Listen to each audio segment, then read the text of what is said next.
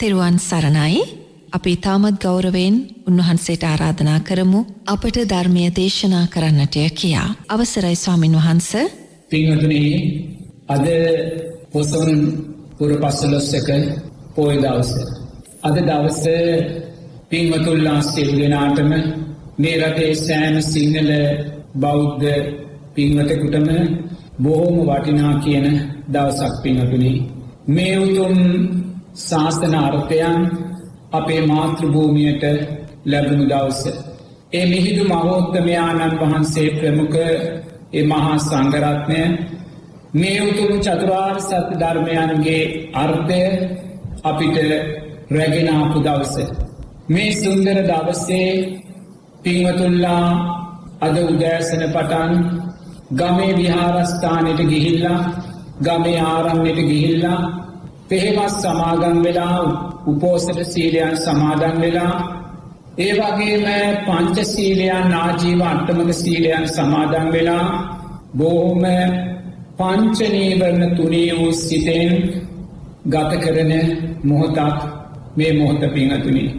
මේ සුන්දර මොහොතේ පිංහතුල්ලා සිරස ගුවන් විදිලේ ඉදිරියේ වාඩි වෙලා දැන් මේ සූදානම් වෙන්නේ මේ සුන්දර රාත්‍රිය අපේ මේ පුං්ඥවන්ත මාතෘභූමියයට මේ උතුම් චතුරාර් සත ධර්මයන්ගේ අර්ථය රැගෙනාපු මේ පුං්ඥවංශ දවසේ මේ සුන්දර රාත්‍රිය විදර්ශනාමය රාත්‍රියක් බවට පත් කරගන්න සූදානම්වයි පිංහතුල්ලා සියලු දෙනාම මේ මොහොතේ සැදී පැහැදී සිටින්න පිංහතුනේ. මීදු මවෝත්තමයාණන් වහන්සේ අපේ මේ පුං්ඥභූමියයට වැඩම කළේ පිංහතුනී මේ සුන්දර විදර්ශනා ධර්මයන් අපිට කියලදීලා. ලෞකිකත්වය තුළ ආස්වාදය තුළ ජීවත්වෙච්ච ජනතාවට නිවනේ රස්සය පිංහතුනේ සෝවාන් සකෘදාගාමි අනාගාමි අරියත් එවුතුම් අධිගමයන්ගේ රස්සය ලබලදීලා පිංවතුමේ ලෝතුරා බුදුරජාණන් වහන්සේ ඒ අවබෝධ කොට වදාලුතුම් සම්මා සම්බුද්ධ ශාසනයේ රැකවරණය අපිට ලබල දෙන්නයි. අද වැනි දවස්සක මීදු මහෝත්තමයාණන් වහන්සේ අපේ මේ පුං්ඥභූමියයට වැඩම කළේ පිංහතුනේ ඒ නිසා ඔබ පින්වත් සිංහල බෞද්ධ පින්වතෙක් නම් ඒ වගේ මොබ මේ උතුම් බුදු දහම කෙරෙහි ලැබියාවක් අවක් දක්වන කැමැත්තක් දක්වන පින්වත් අන්‍යාගමික පින්වතෙක් නම් පිංහතුනී අපි දක්ෂ වෙන්න ඕනේ අදවැනි මේ සුන්දර දවසක. මේ සුන්දර පොසන් පසලොස්තක පෝය දවසේ මේ සුන්දර රාත්‍රිය පිංහතුනේ ඒ අප වෙනුවෙන් අපේ විදර්ශනාමය අරමුණු වෙනුවෙන් කරුණාවෙන් වැඩමකොට වදාළ ඒ මිහිදු මහෝත්තමයාණන් වහන්සේ ප්‍රමුඛ මහා සංගරත්නයට කෘතවේදී වෙන්න පිංහතුනේ එනිසා මේ සුන්දර රාත්‍රිය පිංහතුනී ඒ අතීත පංචුපාදානස්කන්දයට මොහොතක් හිතයොමු කරන්න අතීත පංචුපාදානස්කන්දයට මොහොතක් සිතයොමු කරලා නුවනින් දකින්න ඒ මිහිදු මහෝත්තමයාණන් වහන්සේ ඒ මහා සංගරත්නය පිරිවරාගෙන අදවැනි දවස්සක පින්වතුනී අතීතේ අපේ රටට වැඩම කරපු අවස්ථාව සිහෙත් නගාගන්න ඒ සිහෙට නගාගෙන පින්වතුනී මොහොතක් දෑස් එක පියාගෙන හදවතින් ඒ මිහිදු මහෝත්තමයාණන් වහන්සේට වන්දනා කරන්න. මිහිදු මහෝත්තමයාණන් වහන්සේගේ අනන්ත වූ කරුණාවට අනන්ත වූ ඥානයන්ට මොහොතක් හදවතින් වන්දනා කරන්න මේ සුන්දර පොසොන් පුර පසුලොස්සක පොය දවස පිංහතුනේ දැන්ඔබට පුළුවන් ඒ මිහිදු මහෝත්තමයාණන් වහන්සේ අපට දායාද කරපු ඒ සුන්දර ධර්මයන් මේ විදර්ශනා රාත්‍රියේදී ජීවිතයට එකතු කරගන්න. පිංහතුනී ඔබ දෙස ඔබ හොඳින් බලන්න. මේ සුන්දර රාත්‍රියයේ සිරස ගුවන් විදිලියේ ඉදිරියේ වාඩි වෙලා විදර්ශනා රාත්‍රිය සවනය කරන පින්වතුල්ලා තමාගේ හර්ද සාක්ෂය දෙස සතිය සිහියෙන් යුතුව බලන්න පින්වතුනේ ඔබේ සිත මේ මෝතේ සමාධිමත් සිතක් බවට පත්වෙලාද තියෙන්නේ සංසිදුණු සිතක් බවට පත්වෙලාද තියෙන්නේ පංච නීවරණ තුනේ වූ සිතක් බවට පත්වෙලාද තියෙන්නේ? පිංහතුනි පුංචියෝ සිතේ විසිරීමක් තියෙනවනම් පිංහතුනි ඔබේ සිත ධර්මය තුළ තැන්පත් කරගන්න. ඔබේ සිත සමාධිය තුළ මොහොතක් බහා තබන්න පිංහතුනේ දෑස්පියාගෙන මොහොතක් ආස්වාස ප්‍රාස්වාසයට හිතයොමු කරන්න. මේ සුන්දර රාත්‍රයේ සිරසදුවන් ඉදිරි ඉදිරියේ වාඩි වෙලා ඔබ ඔබේ ආස්වාස ප්‍රාස්වාසයට හිතයොමු කරන්න ආස්වාසය ඉහලට ගනිද්දී ඇති වෙනවා කියල දකින්න. ඒ ආස්වාසය පහතට හෙලද්දී නැති වෙනවා කියල දකින්න ඇතිවීම නැතිවීම ආස්වාස ප්‍රාස්වාසේ හොඳින් නුවනින් දකින්න පිංහතුනේ.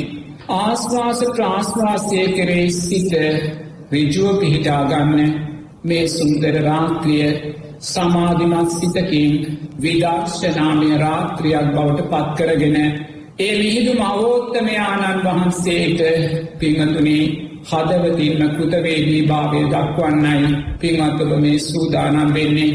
දෑස්තියාගෙන පිංහතුනේ ආස්වාස ප්‍රාස්වාසය කෙරෙහිම යොමු කරන්න ආස්වාසය ඉහලට ගනිද්දී ඇති වෙනවා කියලනුවනින් දකින්න පහලට හෙලද්දී නැති වෙනවා කියලනුවනින් දකින්න ඇති වෙනවා නැති වෙනවා. ආස්වාස ප්‍රාස්වාසයේ ඇතිවීම නැතිවීම දකිමින් ස්වභාවිකව උස්මගන්න පිංහතුනේ දැන් ඔබට වැටහෙනව ඇති බාහිර සෑම අරමුණක්ම ඔබෙන් ඈතට ගිහිල්ලා ඔබේ සිත ආස්වාස ප්‍රාස්වාසය කෙරෙහි රිජුව පිහිටල තියෙනවා පිංහතුනේ ඒ රිජුව පිහිටුවා වූ හිත සමාධිමත්වයි තිබෙන්නේ. ඒ ඇන පංචනීවරණයන් තුනී වෙච්ච හිතකින් දැන් ඔබ පසු වෙන්නේ. මේ පංචනීවන්න තුනේ වූ හිතෙන් මේ සුන්දර විදර්ශනා රාත්‍රිය පිංහතුනේ සැබවින්ම විදර්ශනාමය රාත්‍රියක් බෞටභ පත් කරගන්න. මුලින්ම ඔබ ඔබේ රූපය පිංහතුනේ මොහොතම් සතර මහාධාතුවක් හැටියට දකින්න පටවි ආපෝ තේජෝ වායෝ මේ සතර මහාධාතු කොටස් වෙන්වෙන් ඔබ නුවනින් දකින්න පිංහතුනේ ඔබේ ශරීරයේ තියෙන තද ස්වභාවය මස් සම් ඇට නහර මේ සියලූම ශරීරයේ තද ස්වභාවයන් පටවි ධාතුව හැටියට වෙන්ම මනසින් ගන්න. ඔබේ ශරීරයේ ආපෝධාතුව වෙනම ගන්න. හෘදිරය සෙම් සොටු මුත්‍රා මේ සෑම ආපෝධාතුවක්ම වෙන්ම මනසින් ගන්න පිංහතුනේ ශරීරයේ තේජෝධාතුව වෙනම ගන්න ශරීරයේ උෂ්ණ ස්භාවය ශරීරයේ වායෝ ස්භාවය වෙනම දකින්න. දැන් ඔබේ මනස ඉදිරියේ කොටස් සතරක් තියෙනවා පිංහතුනේ පටවිධාතුව ආපෝධාතුව වායෝධාතුව තේජෝධාතුව මේ කොටස් සතර වෙන්වෙන් වශයෙන් දකින්න. දැන් ඔබේ ශරීරය ඔබ ධාතු මනසිකාරය තුළ විසිරෝලයි තිබෙන්නේ ඔබට දැම් මමේ කියලා සංඥාවක් නෑ මගේ කියලා සංඥාවක් නෑ මගේ ආත්මය කියලා ඔබට දැන් සංඥාවක් නෑ පිහතුනේ ඔබේ සියලු සංඥාවෝ කායානු පස්සනාව තුළ සුන්දර දම්මානු පස්සනාවක් බවටම පත් කරලා තියෙන්නේ සැබෑ ධර්මතාවයක්. දැන් මනසින් දකින්න දැන් ඔබේ ගණ රූප සංඥාව මමය කියන රූප සංඥාව ඔබෙන් බැහැර වෙලායි තියෙන්නේ. ඔබ නුවනින් දකින්න ඔබ ඉදිරියේ තියෙන ඒ පටවිධාතුව ඒ පටවිධාතුව කුණු වෙලා නරක් වෙලා විනාස වෙලා බාහිර සතර මහා ධාතුවට මුහුවෙන ඇති ඔබ නුවනින් දකින්න ඔබේ ඒ ආපෝධාතුව කුණු වෙලා නරක් වෙලා ගඳ ගහලා නිලමැස්ස වහලා බාහිර සතර මහා ධාතුවටම මුහුවෙනවා නුවනින් දකින්න පිංහතුනේ ඒ තේජෝධාතුව බාහිර තේජෝධාතුවතම මුහුවෙලා යනවා නුවනින් දකින්න ඒවායෝධාතුව බාහිර වායෝධාතුවටම මුහුවෙනවා නුවනින් දකින්න පිංහතුනේ මේ සුන්දර රාත්‍රයේ සමාධිමත්හිතෙන් ඔබ ධාතු මනස්කාරය තුළයි ජීවත්වෙන්නේ දැන් ඔබට පුළුවන් අතීත පංචුපාදානස්කන්දයට මොහොතක් හිතියොමු කරන්න. ඒ අතීත පංච උපාදානස්කන්දය තුළ පිංහතුනි මීදු මහෝත්තමයාණන් වහන්සේගේ රූපකාය සිහියට නගා ගන්න. මීදු මහෝත්තමයාණන් වහන්සේගේ රූපකාය පිංහතුනේ ධාතු මනසිකාරය තුළ විසරුවා දකින්න. මීදු මහෝත්තමයාණන් වහන්සේ සමග මේ සුන්දර මාතෘභූමියයට අප කෙරේ අනුකම්පාවෙන් වැඩම කළ ඒ සියලූම මහා සංගරත්නයේ රූපකායන් ධාතු මානසිකාරය තුළ විසිරුවා දකින්න. ඔබ මිනිදු මහෝත්තමයාණන් වහන්සේගේ රූපකායක් පටවි ධාතුව හැටියට වෙනම දකිනවා පින්නතුනේ. ආපෝ ධාතුව හැටියට වෙනම කොටසක් දකිනවා වායෝ තේජෝ ධාතු හැටියට දකිනවා. දැන් ඔබ ඉදිරියේ තියෙන්නේ මීදු මහෝත්තමයාණන් වහන්සේ කියන රූප සංඥාවනෙමේ පින්නතුනේ. දැන් ඔබ ඉදිරියේ තියෙන්නේ මීදු මහෝත්තමයාණන් වහන්සේගේ ඒ අධ්‍යාත්මික රූපය තුළින් මතුකොට ගත්ත ධාතු මානසිකාරයයි. ඔබ නැවත නැවතත් ඔබේ සතර මහා ධාතුව පටවියාපෝ තේජෝ වායෝ වශයෙන් දකිනවා වගේම ඒ මීදුගමයාණන් වහන්සේගේ අධ්‍යාත්මික සතර මහා ධාතුවක් පින්නතුනේ පටවි ආපෝ තේජෝ වායෝ හැටියට දකින්න. ඒ වැඩමකොට වදාළ සියලුවම මහා සංගරත්නය රූපකායන් පටවි ආපෝ තේජෝවායෝ ගොඩවල් හතරක් හැටියට දකින්න පින්නතුනේ ඒ වගේමයි එදා මිහිදු මහෝත්තමයාණන් වහන්සේ මේ සුන්දර මාතෘභූමියයට වැඩම කරපු වෙලාවේ අපේ රටේ රජකම් කරපෝ ඒ දේවානම් පියතිස්ස රජතුමාගේ රූපකාය පින්නතුනේ ධාතු මානසිකාරය තුළ විසරෝල දකින්න පටවි ආපෝ තේජෝ වායෝ කොටස් හතරකටේ රූපය වෙන් කළ දකින්නේ රජතුමාගේ රූපය. පටවි හැටියට ශරීරයේ තදස භාවය වෙනම ගොඩකට ගන්න. ආපෝ හැටියට ශරීරයේ ද්‍රවස භාවය වෙනම ගොඩකට ගන්න. ඒ තේජෝ ධාතුව වායෝ ධාතුවක් වෙන්වෙන් වශයෙන් නුවනින් දකින්න පිංහතුනේ පිංහතුනේ දැන් ඔබට ඔබ කියන මම කියන ඔබේ රූප සංඥාව තුනේ වෙලා නිරුද්ධ වෙලා.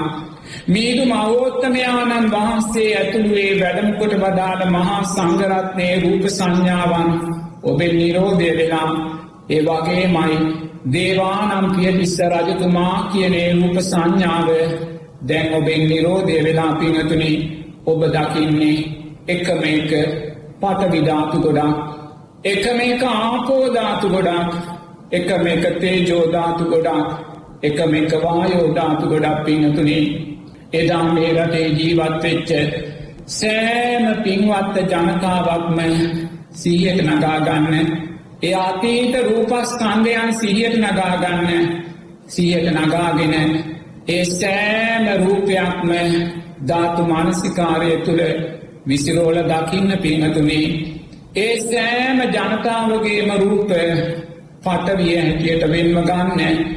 ආපෝධාතුව හැටියට වෙනම ගන්න. වායෝ තේජෝ ධාතුන් හැටියට වෙනම ගන්න. පිංහතුනේ ගණරූප සංඥාවකින් එදා ජනතාව ඔබ දකින්න එපා.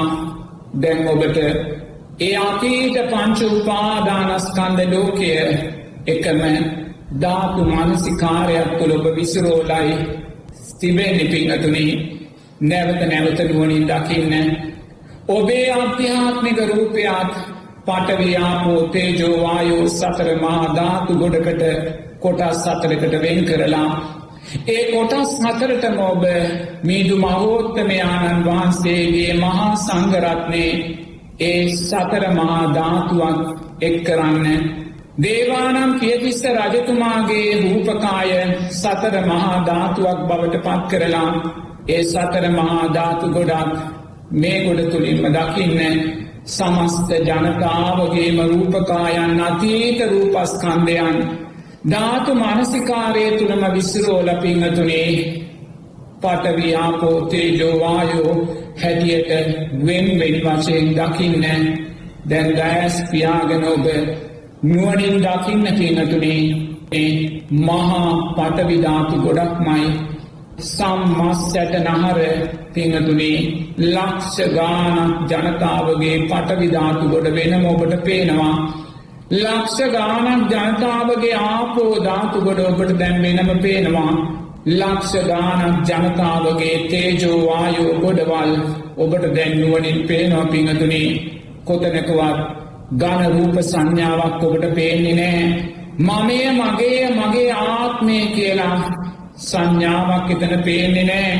මීදු මහෝත්තමයාණන් වහන්සේ දේවානම් පියතිස්ස රජතුමා ඔබය මමය කියන සංඥාවක් දැන් ඔබට පේනෑ පිනතුනේ ඔබ දකින්නේ කුමක්ද?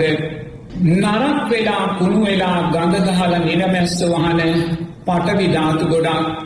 ඒ වගේම විනාස වෙලා පිණුඩු වෙලා යන ආපෝධාතු ගොඩක්. ඒ වගේම පිංහතුනේ ඒ සියල්ලටම මැදිවෙච්ච වායෝධාතුව තේජෝධාතු ගොඩක් පමණක්මයි. පිංහතුනේ සුන්දර ධාතු මනසිකාරය තුළ හිසරෝ හිත විසිරෝල දකිද්දී පිංහතුනේ රූප සංඥාවබෙන් නිරෝධය වෙලා යනවා සියුම් වෙලා යනවා. නිරෝධයවීමේ මාර්ගය ඔබ මතු කර ගන්නවා පිංහතුනේ රූප සංඥාව නිරෝධය වන තැන රූප සංඥාව සියුම් වන තැන පිංහතුනේ රූපය ඇසුරෙන් වේදනා සංඥා සංකාර විඤ්ඥානයන්ට ඉඩක් නැතියන යනවා ඉඩ අහිමි කලා වෙනවා ඔබ. එනිසා මේ සුන්දර රාත්‍රියේදී මීදු මහෝත්තමයාණන් වහන්සේ අපේ මේ පුං්ඥ මාතෘභූමියයට වැඩ කරපු මේ සුන්දර දවස්සේ මේ සුන්දර රාත්‍රයේ පිංහතුනේ මීදු මහෝත්තමයාණන් වහන්සේට සැබවින්ම හදවතින්ම ධර්මයෙන්ම විදර්ශනාවෙන්ම කෘතවේදී වෙන්න පිංහතුනේ අපි මේ සැනසිල්ල ලබන්නේ අපි මේ ධර්මය සතුට ලබන්නේ අපි මේ තෙරුවන්ගේ ගුණයන් හඳුනන්නේ අපි මේ කර්මය කර්මඵල විශ්වාසය හඳුනන්නේ අපිට පටිච්ච සමුපන්න නැවත උපතක් තියෙනවා කියන විශ්වාසය හඳුනන්නේ අපේ අම්මල තාත්තල මහා බ්‍රහ්මයින්ම කියලා අපි පිළිගන්නේ.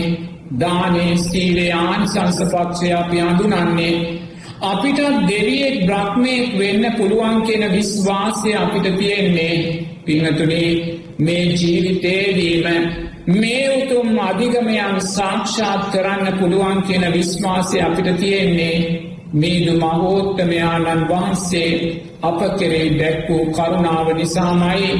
මීදු මහෝත්තමයාණන් වහන්සේ අප කෙරෙහි දැක් වූ කැපවීම් නිසා මයි පිංහතුනේ එවන් සුන්දර උත්තමයකුට මෙවන් සුන්දර දවස්සකදී අපිට දෙන්න පුළුවන් උතුම්ම වන්දනාව උතුම්ම නමස්කාරය උතුම්ම කෘතවේදී භාවය පිංහතුනේ මේ සුන්දර විදක්ෂනා ධර්මයන්මයි. එනිසා දෑස් දෙක පියාගෙන නැවතත් ඒ අතීත පංචු පාදානස්කන්දය නිත්‍යයි කියල ගන්න එපා.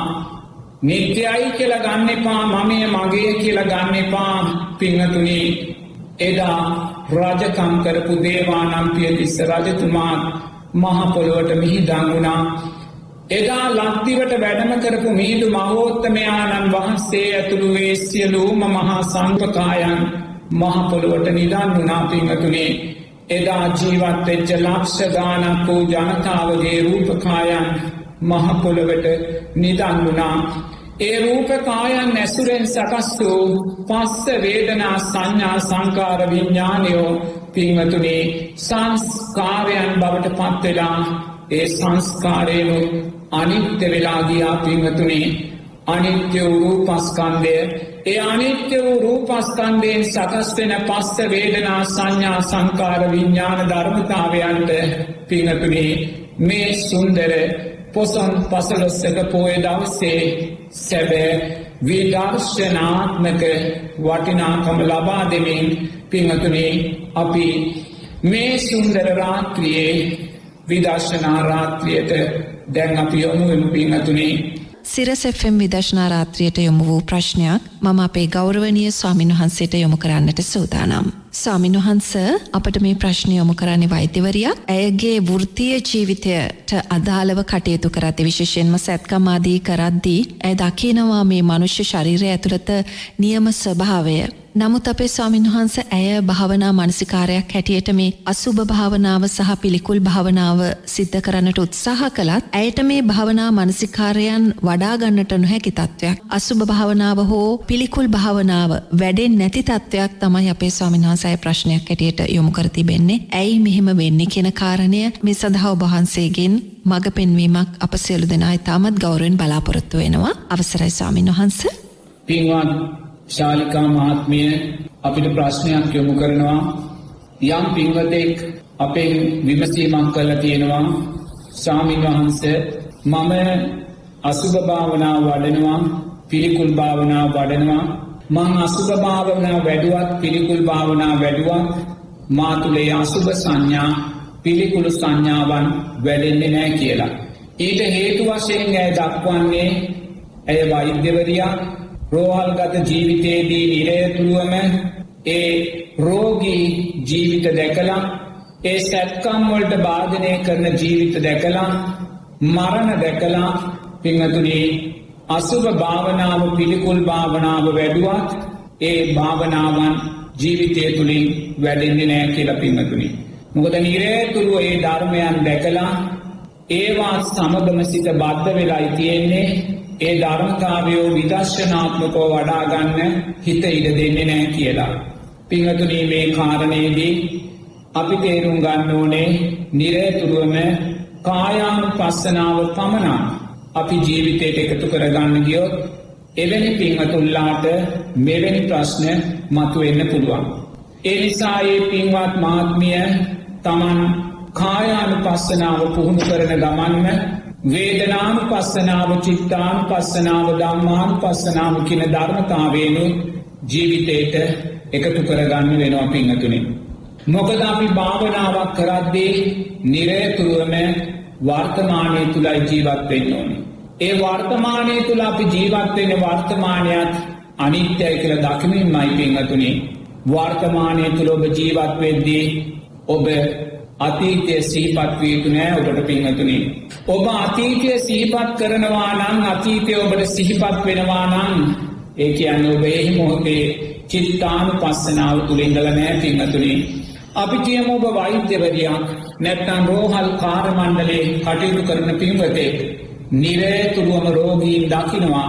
නිරේතුරුවම මලකඳන් දකිනවා. නිරේතුරුවම සැත්කම් කිරීම් දකිනවා. ඒ දකින නිසාම පිංහතුනේ අසුබය පිළිකුල කියන කාරණා ඔබට සාමාන්‍ය දෙයක් බවට පත්වෙලා තියෙන්නේ. ඒක විදර්ශනා ධර්මයක් බවට කායානු පස්සනාවක් බවට ඔබ දකින්න දක්ෂණෑ පිංහතුනේ ඒ නිසා එවැනි අවස්ථාවන් තියෙන මොහොතක ඔබ භාවනාවට වාඩි වෙලා අපි හිතමු ඔබ අට්ටික සංඥාව ජීවිතය තුළින් දකිනවා කියලා එහෙමත් නැත්තම් මරණානුස්සතිය ජීවිතය තුළින් දකිනවා කියලා පිංහතුනී ඔබ දෑස්තියාගන්න මේ සුන්දර පොසම්පුර පසලොස්සක පොය දවසේ විදර්ශනාත්මක රාත්‍රිය සිරස ගුවන් ඉදිරිය වාඩි වෙලා ස්්‍රවනය කරන මොහොතේ ඔබ දෑස් දෙක පියාගන්නකෝ. දෑස් දෙක පියාගෙන ඔබ වෛද්‍යවරයක් වෙන්න පුළුවන් ඔබ රෝහල් කාර්ය මණ්ඩලය කෙනෙක් වෙන්න පුළුවන් ඔබට අසුබේ වැඩෙන් නැත්තම් පිළිකුල වැඩෙන් නැත්තම් මේවා ජීවිතේ සාමාන්‍ය දේවල් බවට ඔබට පත්වෙලා තියෙනවා නම් පිංහතුනේ ඒ අතීත පංචු උපාදානස්කන්දයෝ අමතක කරලා දාන්න. මම වෛද්‍යවරයක් මම රෝහල් කාර්ය මණ්ඩලේ කෙනෙක්ක කියන ඒ සංඥාවන් ඔබ බැහැර කරන්න පිංහතුනේ ඔබ බුදුරජාණන් වහන්සේගේ ශ්‍රාවකේ ඔබ බුදුරජාණන් වහන්සේගේ ගිහි ශ්‍රාවිකාවක් කියන අර්ථය තුළ පමණක් වර්තමානය තුළ ජීවත්වෙන්න ඔබ මොනම හේතුවක් නිසාවත් මම වෛද්‍යවරයා මම රෝහල් ආරමණ්ඩලේ සේවය කරන කෙනෙක් කියන සංඥාරගෙන භාවනාවට වාඩිවෙන්න එපා. එම වාඩිවීම නිසාමයි මේ ප්‍රශ්න මතු වෙන පිනතුනේ ඔබ මීට පස්සේ භාවනාවට සූදානම් වෙද්දී මම බුදුරජාණන් වහන්සේගේ ගිහි උපාසක උපාසිකාවක් කියන සංඥාව පමණක් ගන්න අතීත පංච උපාදානස්කන්දයෝ සියල්ලම බහා තබා ජීවිතයෙන් බහා තබා පින්නතුනේ වර්තමානය තුළ ඔබ ඔබේ කමතාන ජීවිතයට එකතු කරගන්න දැන් ඔබ වර්තමානය තුළ අපි හිතමු ඔබ මරණානුස්සතිය තුළයි ජීවත්වයෙන්නේ දැන් ඔබ දකිනවා ඔබේ රූපය මරණානුස්සතියක් හැටියට. මේ රූපය මැරෙනවා පිංහතුනේ මේ රූපය මැරුණට පස්සේ මොකක්ද මේකට වෙන්නේ? මේක දවසක් දෙකක් තුනක් යන පිංහතුනේ මේක ප්‍රමාණකූලව ඉදිමෙනවා. මේක නිල් පැහැගැන්වෙනවා ඇසෙන් කනෙන් නාසයෙන් දිවෙන් ශරීරයෙන් මනස් ශරීරයෙන් පිංහතුනේ ඕජාව ගලනවා.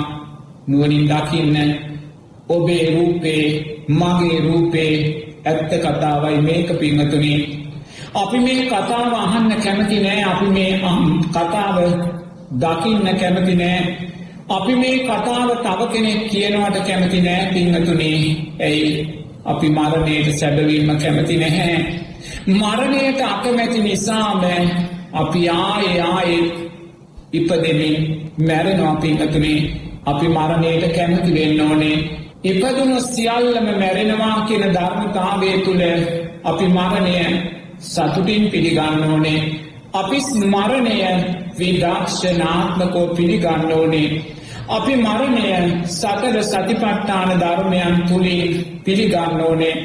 අපි මරණය සතර සතිපට්ඨාන ධර්මයන් තුළින් පිළිගත්තොත් පමණක්මයි පිංහතුනේ මේ මරණය තුළින් අපි ආයෙ උපතක් නිරෝධය කරලදාන්නේ එනිසා ඔබ අකමැති වුණත් ඒ අකමැත්ත පොඩ්ඩක් පැත්තකින් තියලා පිංහතුනේ මරණානුස්සතියට මේ සුන්දර රාත්‍රියයේ මොහොදක් ඉඩ දෙන්න?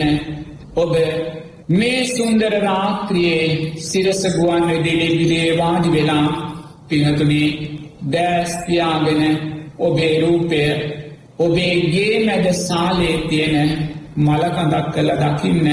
මේ රූපය කළු පැහැගැන්වෙනවා මේ රූපය ඉදිමෙනවා මේ රූපය ඕජාව ගලනවා මේ රූපේ නිලමැස්ස වහනවා මේ රූපය පිංහතුනී බාහිර සතර මහා ධාතුවටම කුණුවෙමින් නරක්වෙමින් ගඳ ගහමින් ගලාගෙන යනවා. නුවනින් දකින්න ජීවිතය ඇත්ත රූපේ ඇත්ත මරණය ඇත්ත ජීවත්ව සිටියදීම දකින්නා උපත නිරෝධය කිරීමේ මාර්ගයට පිංහතුනි අවතීරණ වන කෙනෙක් වෙනවා. දැන් ඔබ මේ විදියට මරණානුස්සතිය දකිද්දේ පිංහතුනේ ඔබට කවදාක්වත් රෝහලේ කටයුතු සිහිපත් වෙන්න විදිහක් නැහැ. ඔබට කවදාක්වත් සැත්කම් කිරීමේ කටයුතු සිහිපත් වෙන්න විදිහක් නැහැ. ඔබට කවදාක්වත් ඔබෙන් ප්‍රතිකාර ලබන රෝගීන් සිහිපත් වෙන විදිහක් නැහැ.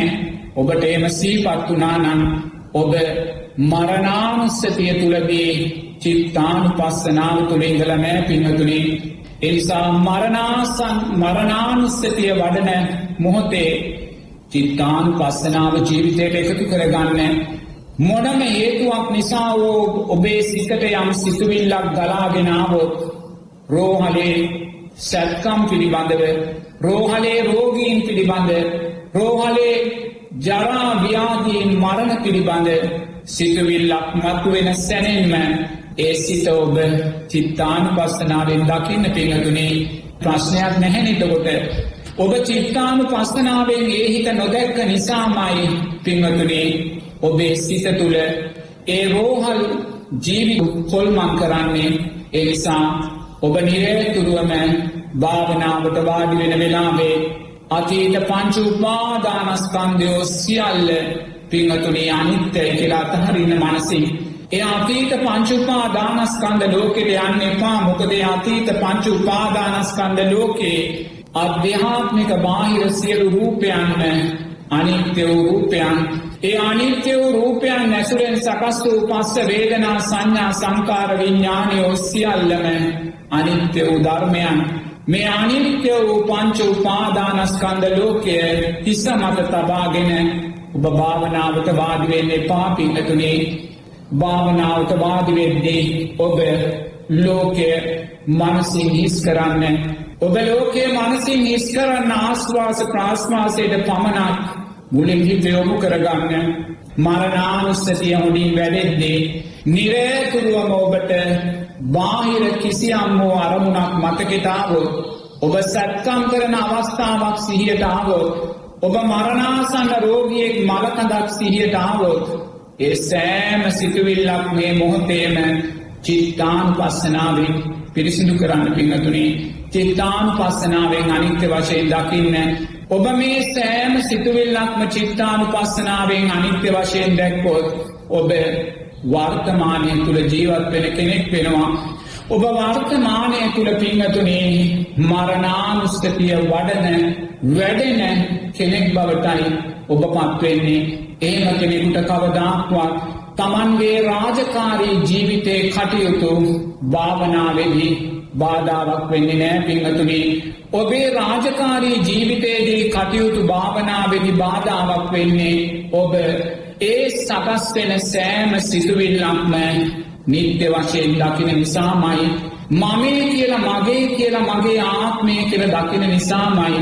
එනිසා ඔබ නිරේතුරුවම දක්ෂ වෙන්න භාවනාවට මාඩිවුනාට පස්සෙ පිංහතුනේ භාවනා කමටහන්ට පමණක් සිටියොමු කරන්න බාහිර පිනම් සිතුවිල්ලක් ඔබ තුළ සකස් වුණා ඒ සෑම සිතුවිල්ලක්ම ඒ මොහොතේම චිත්තාන් පස්සනාවෙන් පිරිසිදු කරන්න.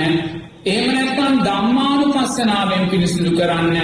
පස්ස පච්චයා වේදනා පස්සේ අනිත්‍යනම් විදීමානිත්‍යයි ඔබ ඒ සිතුවිල්ලට බැඳෙන්නේ පාපිංහතුනි ඔබ භාවනා කරද්දී රාජකාරි ජීවිතය තුළ මතුවෙන කිනම් හෝ සිතුවිල්ලක් ඇතිවෙද්දී දම්මාන් පස්සනා ප්‍රයෝජනයට ගන්න පස්ස පච්චයා වේදනා පස්සේ අනිත්‍යයි විදීම අනිත්‍යයි ඒ සිතුවිල්ල ඒ තැනදිම පින්වතුනී සෝදාහෙරලා නැවතත් ඔබ මරණානුස්සතියට එහෙම නැත්තන් අසුභය පිළිකුල ඔබ වඩන භාවනාවට හිත යොමු කරගන්න කියන කාරණයයි ඒ ප්‍රශ්නයට පිළිතුරව හැටියට සඳහන් කරන්න තියෙන්නේ.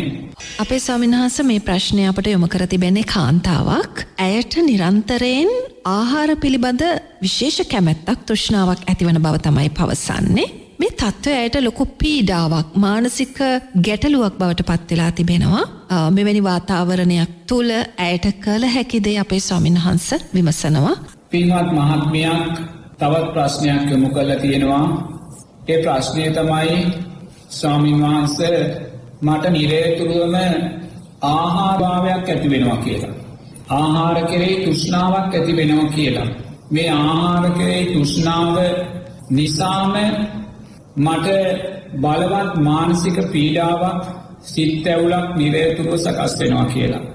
පිංහතුන මේ ප්‍රශ්නය අපේ පින්වත් ශාලිකා මාත්මිය තෝරාගත්තේ මේ ප්‍රශ්නය සමාජය තුළ උඟ දෙනෙකුට තියෙන කාරණයක්. මොකද අපේ රටේ ආහාර සංස්කෘතිය බොහෝම ජයට සිද්ධ වෙන රටක් බවට පත්වෙලා තියෙනවා. එනිසා පිංහතුනේ ජනතාව තුළ ආහාර කරේ තියෙන්න්නා වූ රුචිය වැඩි වෙලා තියනවා කැමැත්ත වැඩි වෙලා තියනවා තුෂ්නාව වැඩි වෙලා තියනවා. මෙතනදි තමයි බුදුරජාණන් වහන්සේ අපිට සීලය ගැන දේශනා කරද්දී බුදුරජාණන් වහන්සේ දේශනා කරනවා ප්‍රථමයෙන් විශේෂයෙන්ම ගිහිපින්වතුල්ලා මේ කාරණය තේරුම් ගන්න ඕනේ ඉන්ද්‍රීය සංවර සීලය කියලා. ඉන්ද්‍රීය සංවර සීලය කියන්නේ කවදාක්වත්තයා තම ඉන්ද්‍රිය අසංවර භාවයන් නැති කරගන්න මාර්ගය සකස් කළ දෙනෙ නෑ ජීවිතය තුළින්. ඇසෙන් රූපයක් දැකලා එයා මනස අසංවර කරගන්නේ නැහැ. කනින් ශබ්දයක් අහලා එයා මනස අසංවර කරගන්නේ නැහැ. ඒ වගේම නාසයෙන් දිවෙන් ශරීරයෙන් යමක් දැනිලා මනස අසංවර කරගන්නේ දැහැපින්නතුනේ. මේ ඉන්ද්‍රිය සංවර සීලය සෑම ගිහි පෙන්පෙතකොටම තමන්ගේ ජීවිතය තුළ සීල විසුද්ධිය ශක්තිමත් කර ගැනීම දෙසා අත්‍යවශ්‍ය කාරණයක් වෙනවා පිංහතුනේ.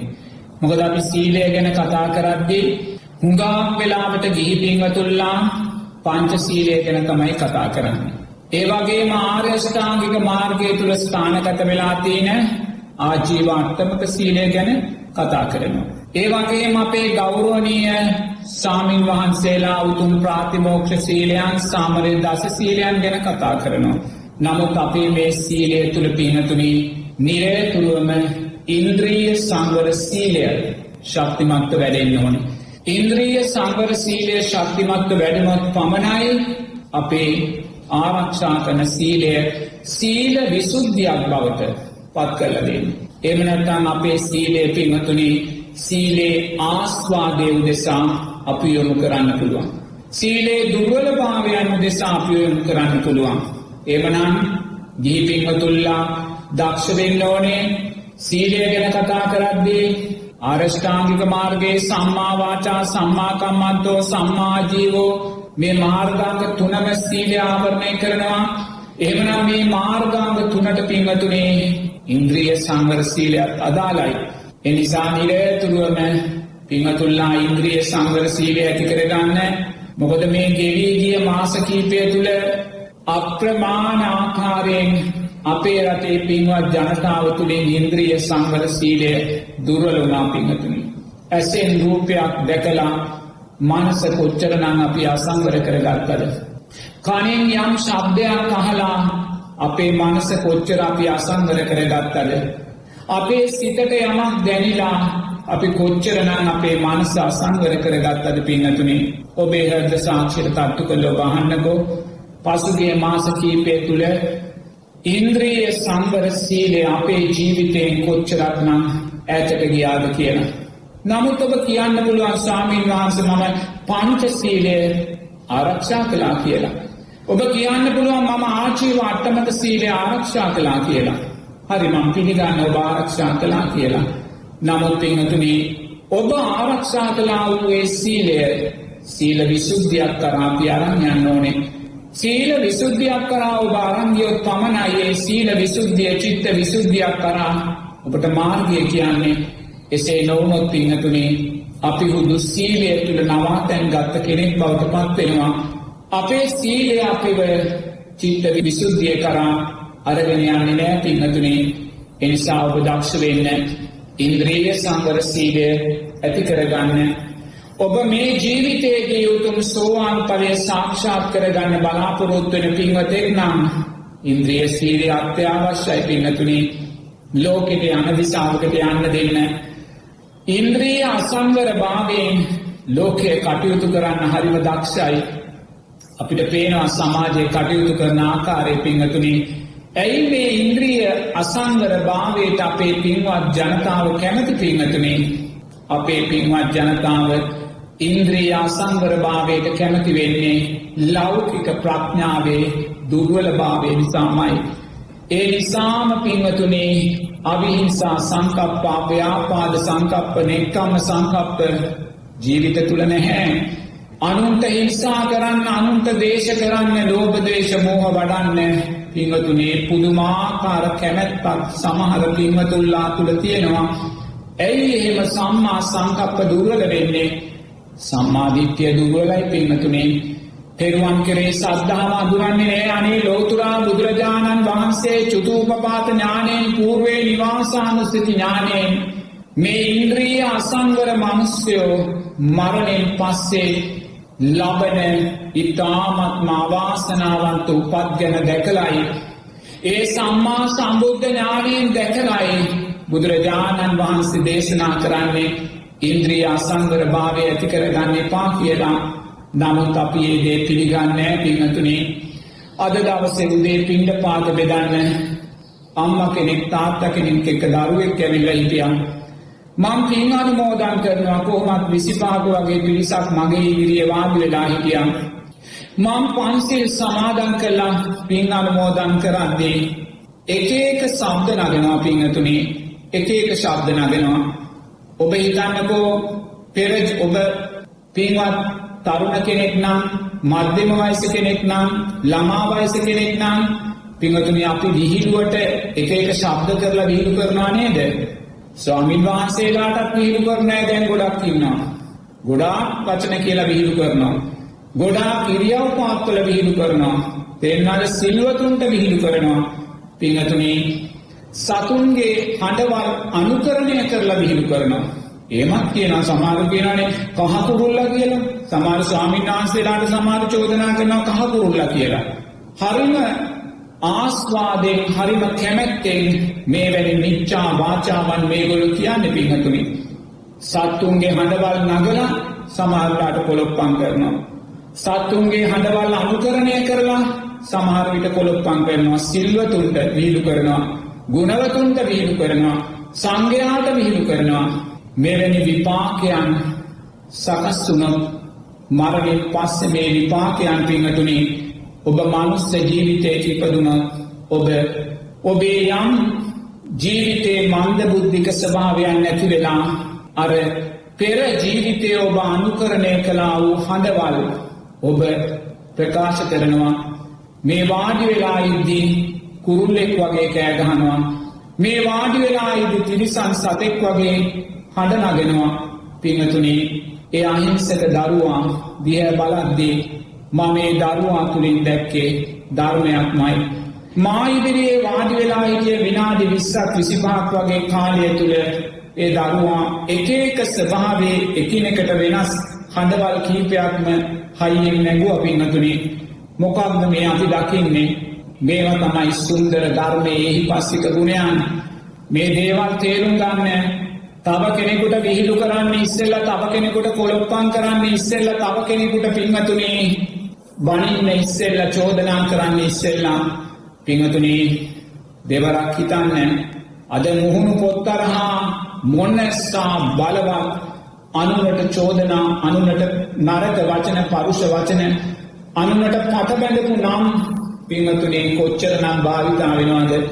ඒවා කොච්චරනම් ආස්වාදයෙන්ද ජනතාව වැළඳ ගන්න ජනතාවේවා කියවන්නේ ජනතාවේවා මගේ කරගෙන ජීවත් වෙන්නේ ආස්වාදය තිබෙනවනම් ආදීනවයක් තියෙනවා. එක තේරුම් ගන්න ඒක තේරුම් අරගෙන මේ රැල්ල යන දිසාවට ඔබ යන්න එපා පිංහතුනේ බලවත් මිත්‍යා දෘෂ්ටික රැල්ලක් සමාජය තුළ හමාගෙන යනවා. සම්මා දිට්ඨිය මරාගෙන සම්මා සංකප්පයන් මරාගෙන හමා යන බලවත් මිත්‍යා දෘෂ්ටික රැල්ලක් හමාගෙන යනවා.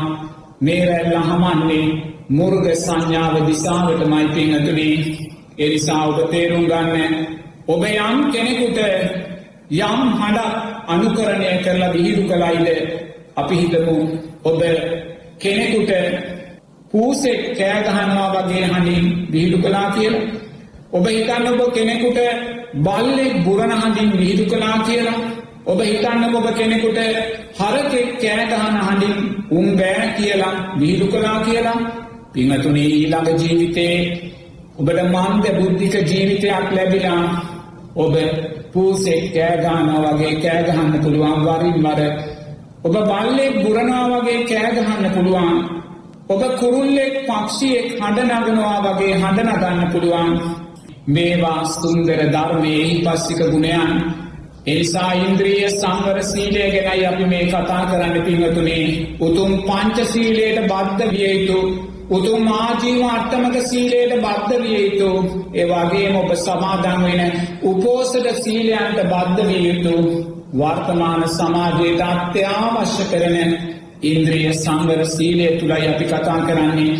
මේ ඉන්ද්‍රිය සංවර සීලේ ආරෂ්ඨාංගික මාර්ගයේ සම්මා වාචා සම්මා කම්මන්තෝ සම්මා ආජීවෝ කියන මාර්ගාංග තුන තුළින්ම පෝෂණය වියුක්තක් ඒ වගේ මයි පින්නතුනේ ඉන්ද්‍රිය සංවර සීලෙන් පස්සේ බුදුරජාණන් වහන්සේ දේශනා කරන ප්‍රත්වේක්ෂා සීලය.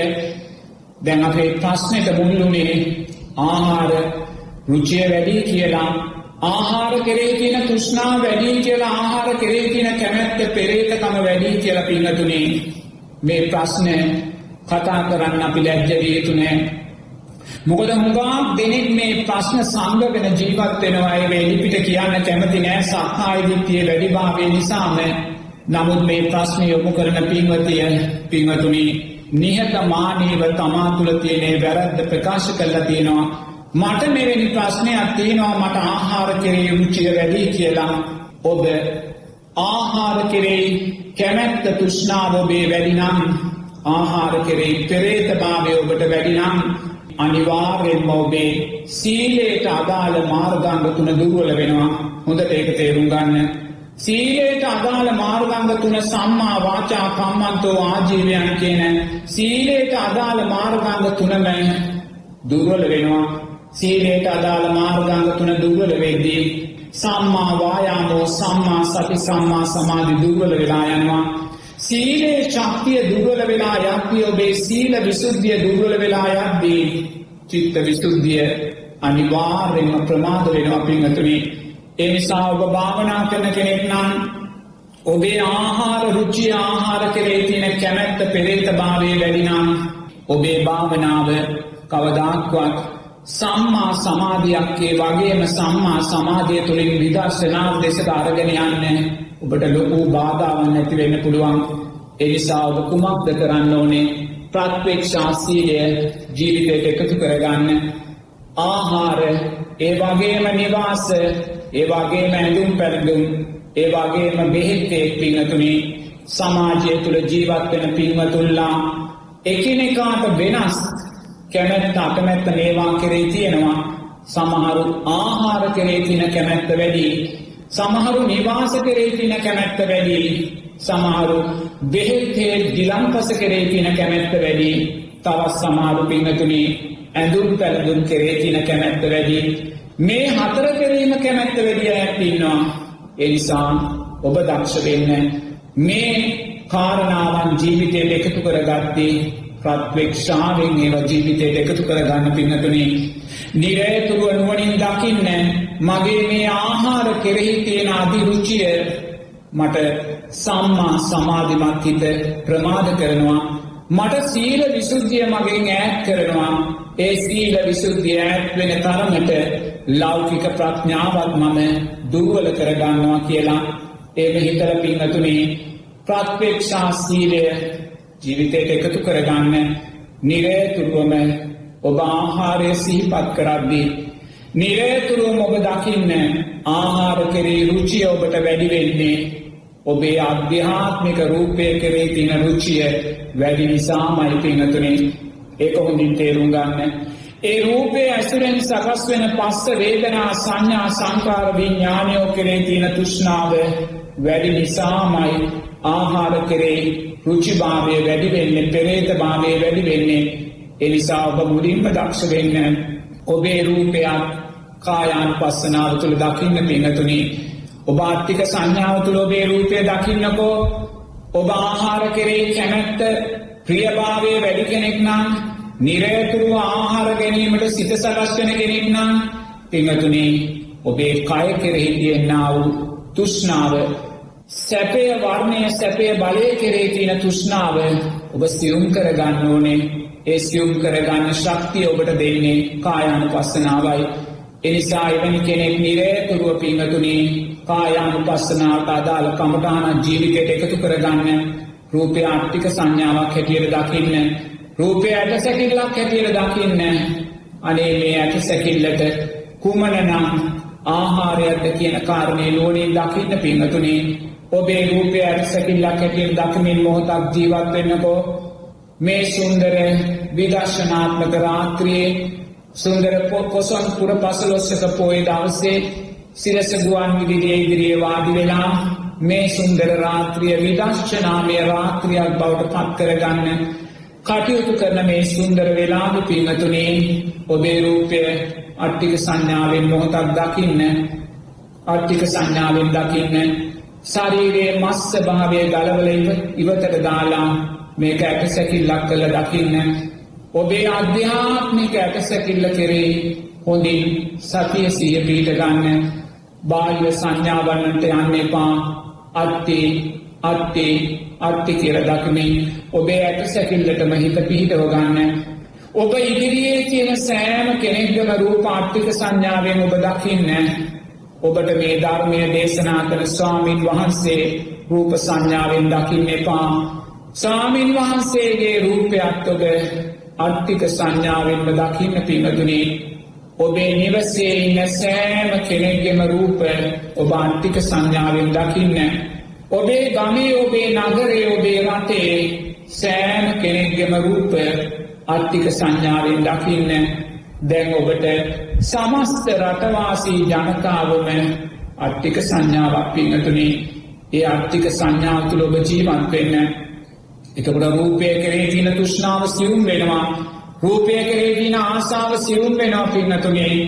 ඒ අට්ටික සංඥාවත් ඔබේ අධ්‍යාත්මික අට්ටික සංඥාවත් සියලු බාහිර අට්ටික සංඥාවනුත් කැඩිලා බිගිලා විසිරිලා සතර මහා ධාතුවටම මුහු වෙනවා. නුවනින් දකින්න පින්නතුනේ. නුවනින් දකින්න. එහෙම දකිමින් ඔබේ අධ්‍යාත්මික රූපය කරේ තියෙන රූප තුෂ්නාව සියුම් කරගන්න. එවිට ආහාර කරේ තින තුෂ්නාව සියුම් වෙලායාවී ඒ වගේ මයි ඔබ නිරේතුරුව දක්ෂ වෙන්නේ ආහාරයක් ප්‍රත්්‍යක්ෂා කරන්න. අනේ මම මේ ආහාරය වලදන්නේ මම මේ ආහාර කෑමට ගන්නේ. මං මේ තුන් වේල ආහාරටික ජීවිතයට ගන්නේ. මගේ ශරීරයේ මදය පිණිසනෙමේ මගේ ශරීරයේ ජවය පිණිසනෙමේ මගේ ශරීරයේ ආලෝකය ප්‍රභාශ්වරභාවය පිණිසනෙමේ මං මේ ආහාරය අනුභව කරන්නේ. මගේ මේ ගෙවී යන ශරීර කොටස් නැවත ගොඩ නගලා මට මේ උතුම් නිවන් මාර්ගය තරණය කරන්න මේ උතුම් ආර්යෂ්ඨාන්ගික මාර්ගයේ ශක්තිය ජීවිතයට එකතු කරගන්න මේ උතුම් සීල විසුද්ධිය ශක්තිමත් කරගන්න අවශ්‍ය ශක්තිය ලබා ගැනීම උදෙසා පමණක්ම කියන ඒ ආහාර ප්‍රත්්‍යක්ෂාව ජීවිතයට එකතු කරගන්න පිංහතුනින් ඒ වගේමයි නිරේතුරුවම ආහාරය පිළිකුල් භාවය නුවනින් දකින්න ඔබ කැමතිම ආහාරය ඔබ වඩාත්ම පෙරේත භාවය ඇති කරන ආහාරය දෙස අසූචි ගොඩක් හැටියට දකින්න මුද්‍රා ගොඩක් හැටියට දකින්න කෙල සෙන් සොටු ගොඩක් හැටියට දකින්න පිංහතුනේ දෙතිස් කුණුපය ආහාරයෙන්ම පෝෂණය වෙන ධර්මතාවයක් කියලා නුවනින් දකින්න පිංහතුනේ දකිමින් නිරේතුරුවම ඔබේ අධ්‍යාත්මික රූපය කරේ තින තුෂ්නාව සියුම් කරන ගමන්න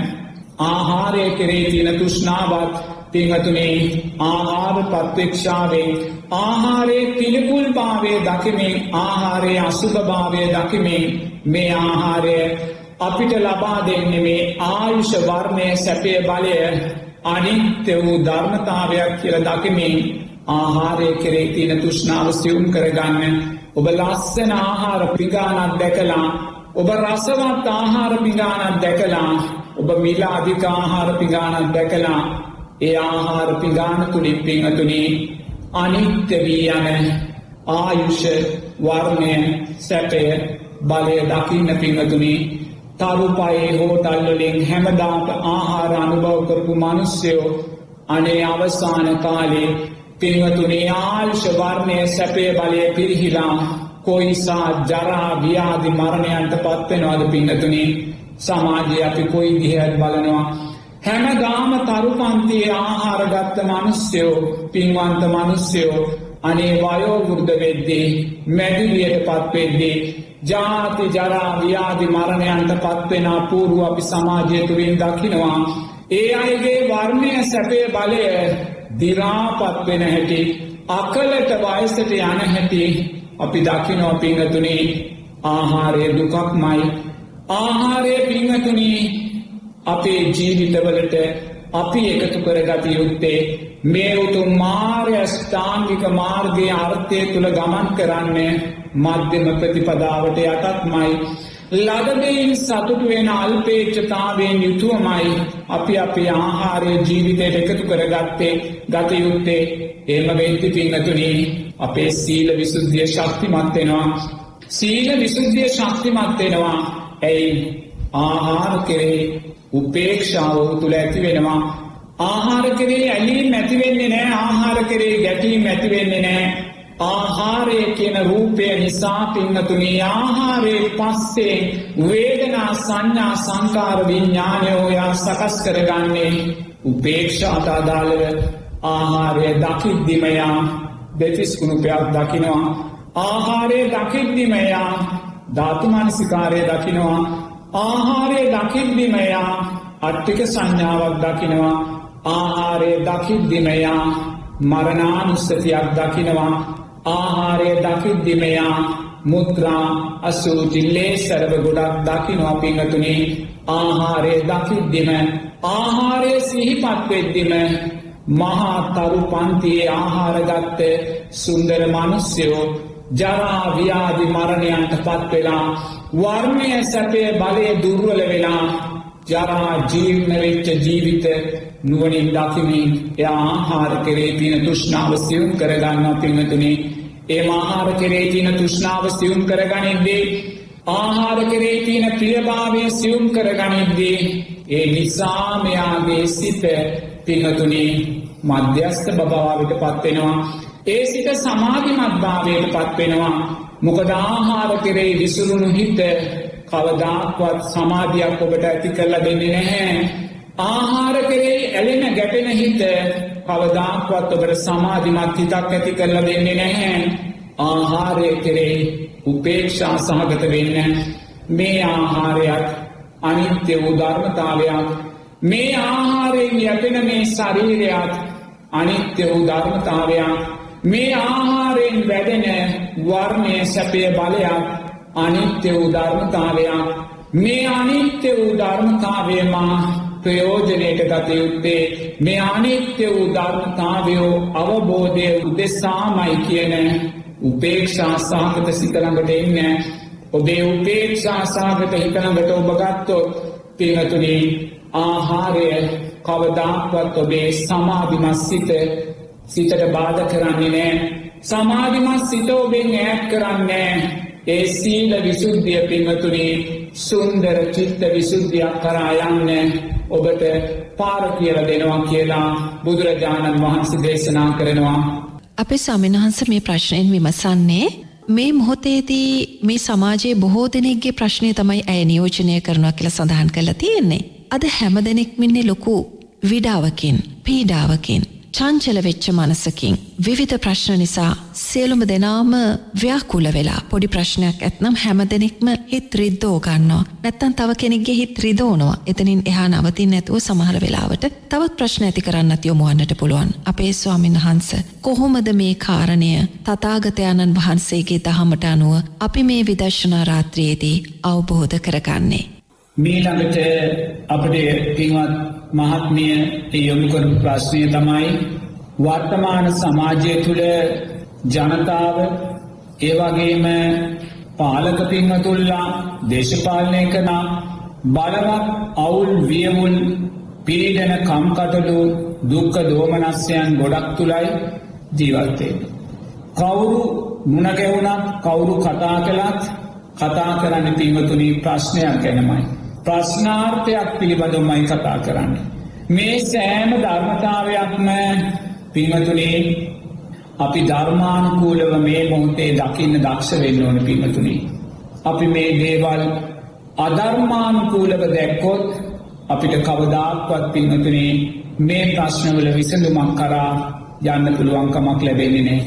එනිසා මේ මොහොතේ සමාජය තුළ පවතින මේ අවුල් වියවුල්කාරී සෑම තත්ත්වයක්ම පිංහතුල්ලා එකම එක ධර්මයක් තුළ විසිරෝල දකින්න පිංහතුනි ලෝකය අපි දන්නවා යන්නේ පිංහතුනී වැරදි දිසාාවට.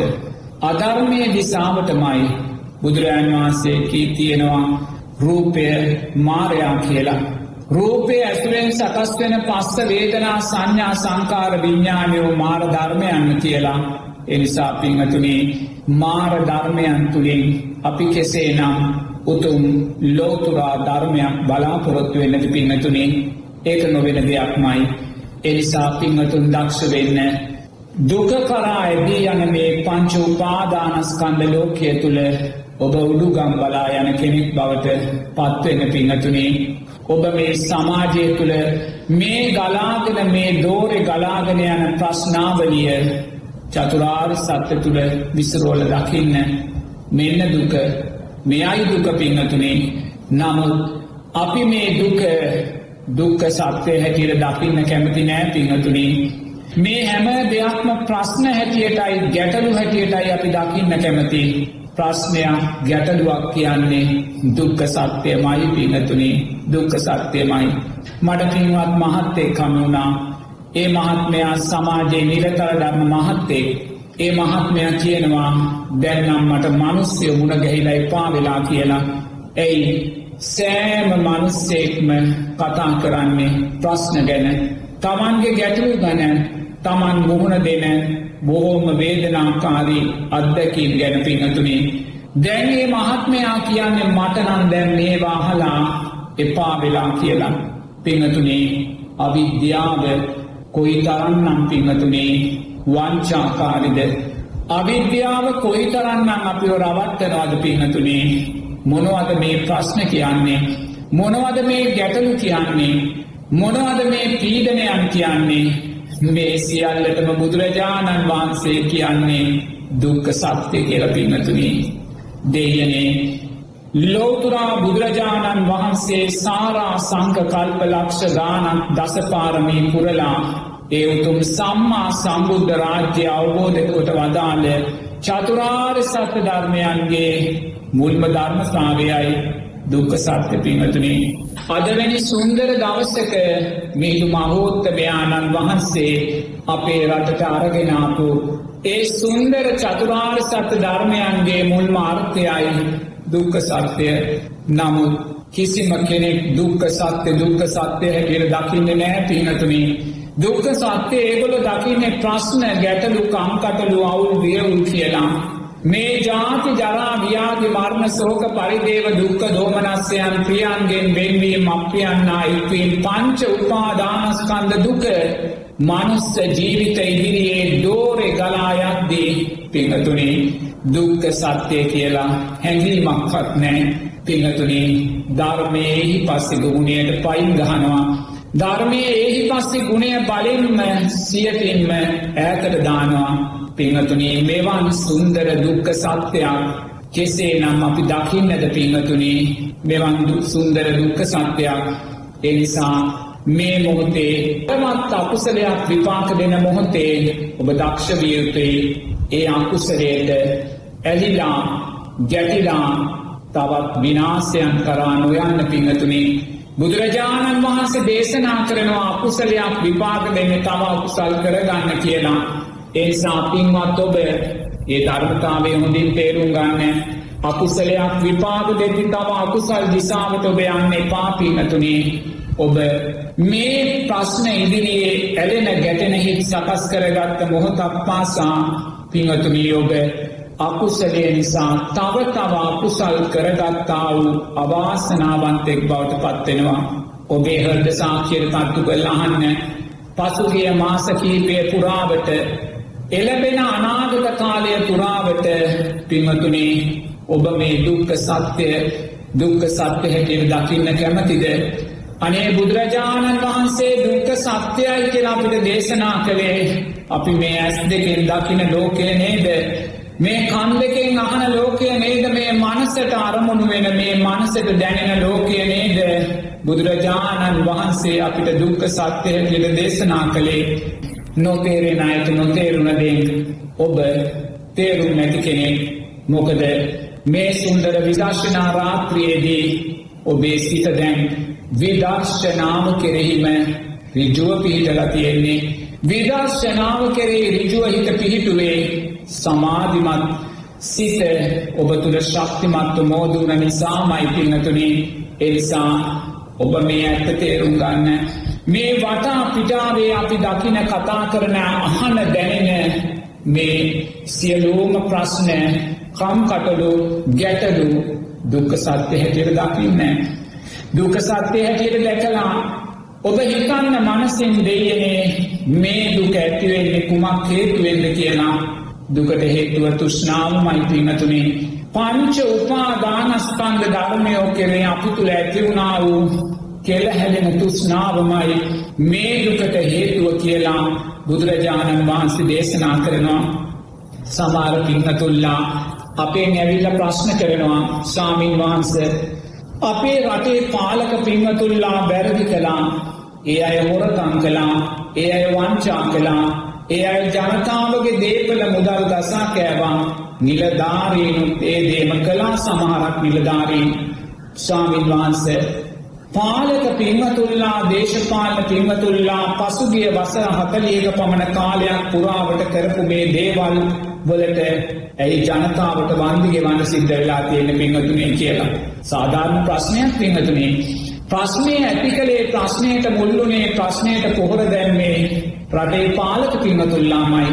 මේ රටේ දේශපාලනය තුළ බලය ලබාගත්ත පක්ෂ විපක්ෂයේ සියලුම කණ්ඩායම් මේ තත්වට වග කියන්න ඕනේ. ජනතාව කරපු දෙයක් නෑ පිංහතුනේ නමුත් මේ මේ ප්‍රශ්නවලින් බලවත්ම පීඩාවට පත්වෙලා තියෙන්නේ මේ රටේ ජනතාවයි පින්නතුනි ඔබට ප්‍රශ්නයක් තියෙන පුළුවන්. ඔබේ හර්ද සාංශය ඔබෙන් ප්‍රශ්න කරන්න ඇති සමහරවිට දහ පාරක් විසි පාරක් පනස් පාරක් පසුගේ වසරේ කාලයකපුර කාලය පුරාවට ඔබෙන් ප්‍රශ්න කරන්න ඇති පාලක පින්වතුල්ලා වැරදි කරද්දී දෙයනේ ඇයි මේ ජනතාවට මේසා පීඩාවන් සිද්ධ වනේ කියලා? පිනතුනි හොතන සුන්දර ධර්මයක් තියෙනවා. ඔය සුන්දර ධර්මය දකින්න නම් ඔබට සම්මා සමාධිමත් හිතක් තියෙන්න්න ඕනේ. ඔබට සම්මා සමාධිමත් හිතක් තියෙන්න්න නම් ඔබට සීල විසුද්ධිය තියෙන්න්න ඕනේ. ඔබට සීල විසුද්ධිය තියෙන්න්න නම් ඔබට ලෞකික ප්‍රඥාවේ ආර්ථය තියෙන්න්න ඕනේ. ඔබට ලෞකික ප්‍රඥාවේ ආර්ථය තියෙන්න්න නම් ඔබ කල්්‍යාන මිත්‍රාශ්‍රය සද්ධර්ම ශ්‍රවණය නුවනින් මෙනෙහි කිරීම නිරේතුරුව සිද්ධ කරන්න ඕන පින්නතුනි. නමුත් සමාජය මේ කාරණාවලදී දුර්වලතාවයන් දක්වනවා පින්නතුනි. ඒ නිසාම අපි ප්‍රශ්නය ඒහි පස්සිකෝ විවෘතව දකින්නේ නෑ පින්නතුනි. ධර්මය තියෙන්න්නා වූ ස්වක්කාත ගුණේ සරල ගුණයෙන් අපි ජීවිතයට දකින්නේ නෑ. ඇත්තටම මං ඔබෙන් අහනවා. ඔබට ප්‍රශ්නයක් තියෙනවා නේද? මොකක්දේ ප්‍රශ්නය? රටේ වැරදි කළේ දේශපාලන පිංහතුල්ලා නමුත් ඒ සියලු වැරදි නිසා බලවත් පීඩාවට පත්වෙලා තියෙන්නේ රටේ ජනතාව ඇයි මෙහෙම සිද්ධවනේ පිංහතුනේ සුන්දර ධර්මයක් සුන්දර ධර්මයක්. ඇයි මෙහෙම පින් සිද්ධ වනේ පිංහතුනේ පසුගිය වසර හතලියක පණහක කාලය පුරාවට මේ රටේ දේශපාලනය කරපු පින්වතුල්ලා තමන්ගේ බලය උදෙසා පින්වතුනේ බලවත් ආකාරයෙන් වැරදි සිද්ධ කළා. මේ රටේ ආර්ථිකය බලවත් ආකාරයෙන් වැරදි විදිහට කළමනා කරණය කළා.